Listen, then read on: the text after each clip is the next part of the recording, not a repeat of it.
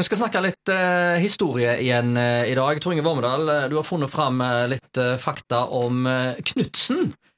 Og det er jo faktisk et navn jeg tror de aller fleste minnes når det gjelder historien om Haugesund. Ja, og da, da snakker vi jo om Knut Knutsen OAS. Shipping. Shipping, ja. Og de som lurer kanskje på hva OAS står for, så er jo det Ola Andreas sønn. Eh, det var mange som het Knutsen, og, for, og når han da fikk eh, en del feilsendte brev, så fant han ut at han måtte sette noen initialer bak eh, sitt navn, da, så da ble det Knut Knutsen OAS, altså at han var Ola Andreas sin sønn. Ja, nettopp. Så det var mange der som brukte initialer før. Det var for eksempel Hån Wrangel, som bare brukte sine initialer og sånt. da.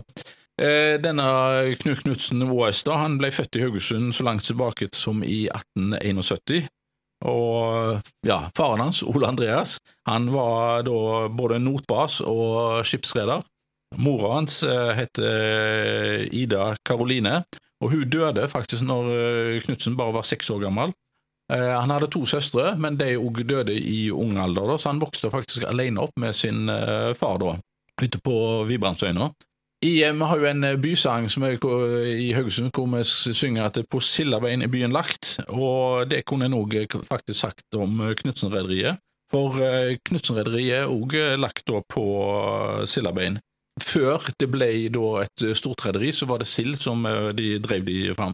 Eh, Knut Knutsen begynte sin karriere som forretningsmann allerede i eh, 1892 som eh, fersksildsspekulant. Eh, og det Som spekulanter så var det at de kjøpte opp eh, sild som sto i såkalt lås, eh, og så solgte de det videre til oppkjøpere. Da. Og han begynte òg å sende De sendte da fersk isasild over til England. Og det var stor risiko, fordi at hvis du kom inn til markedet når det var mye sild, så fikk du dårlig betalt, men kom du en dag det var lite sild å få, så fikk du veldig godt betalt. Så det ble egentlig betegnet som et eh, nesten like risikofullt som å drive med kasino i Monte Carlo, ble det fortalt. eh, Knutsen begynner da med å frakte denne silda på små, eldre dampskip som de kjøpte inn. Og eh, det, det var egentlig sånn de, da eh, den butikken starta, at han frakter egentlig silda som han da kjøper inn. Han frakter den over til England. Men så har du jo det, dette var jo sesongbetont eh, fiske.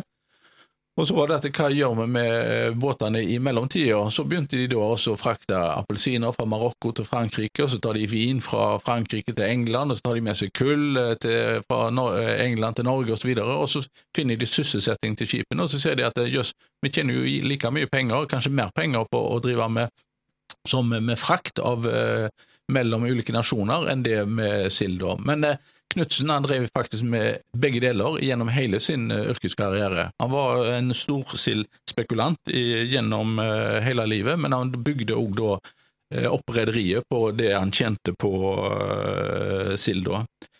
Eh, noe av det som da karakteriserer Knutsen som forretningsmann, var at han eh, ville være uavhengig. Eh, mange av hans rederkolleger i Haugesund, og faktisk òg ellers i landet, de søkte kompaniskap, så prøvde Knutsen å unngå det. Han ville drive for seg sjøl, og bygde opp sitt rederi uten hjelp fra andre.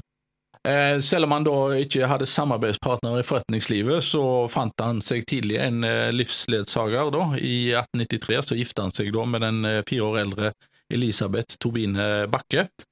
Og det ble et eh, langt og lykkelig ekteskap, da, og paret fikk to barn. Det var da Ida Karoline og Ole Andreas. Ida Karoline hun gifta seg jo med Kristian Haaland, og det ble jo begynnelsen da på Haaland-rederiet, men det er en annen historie, da. ja.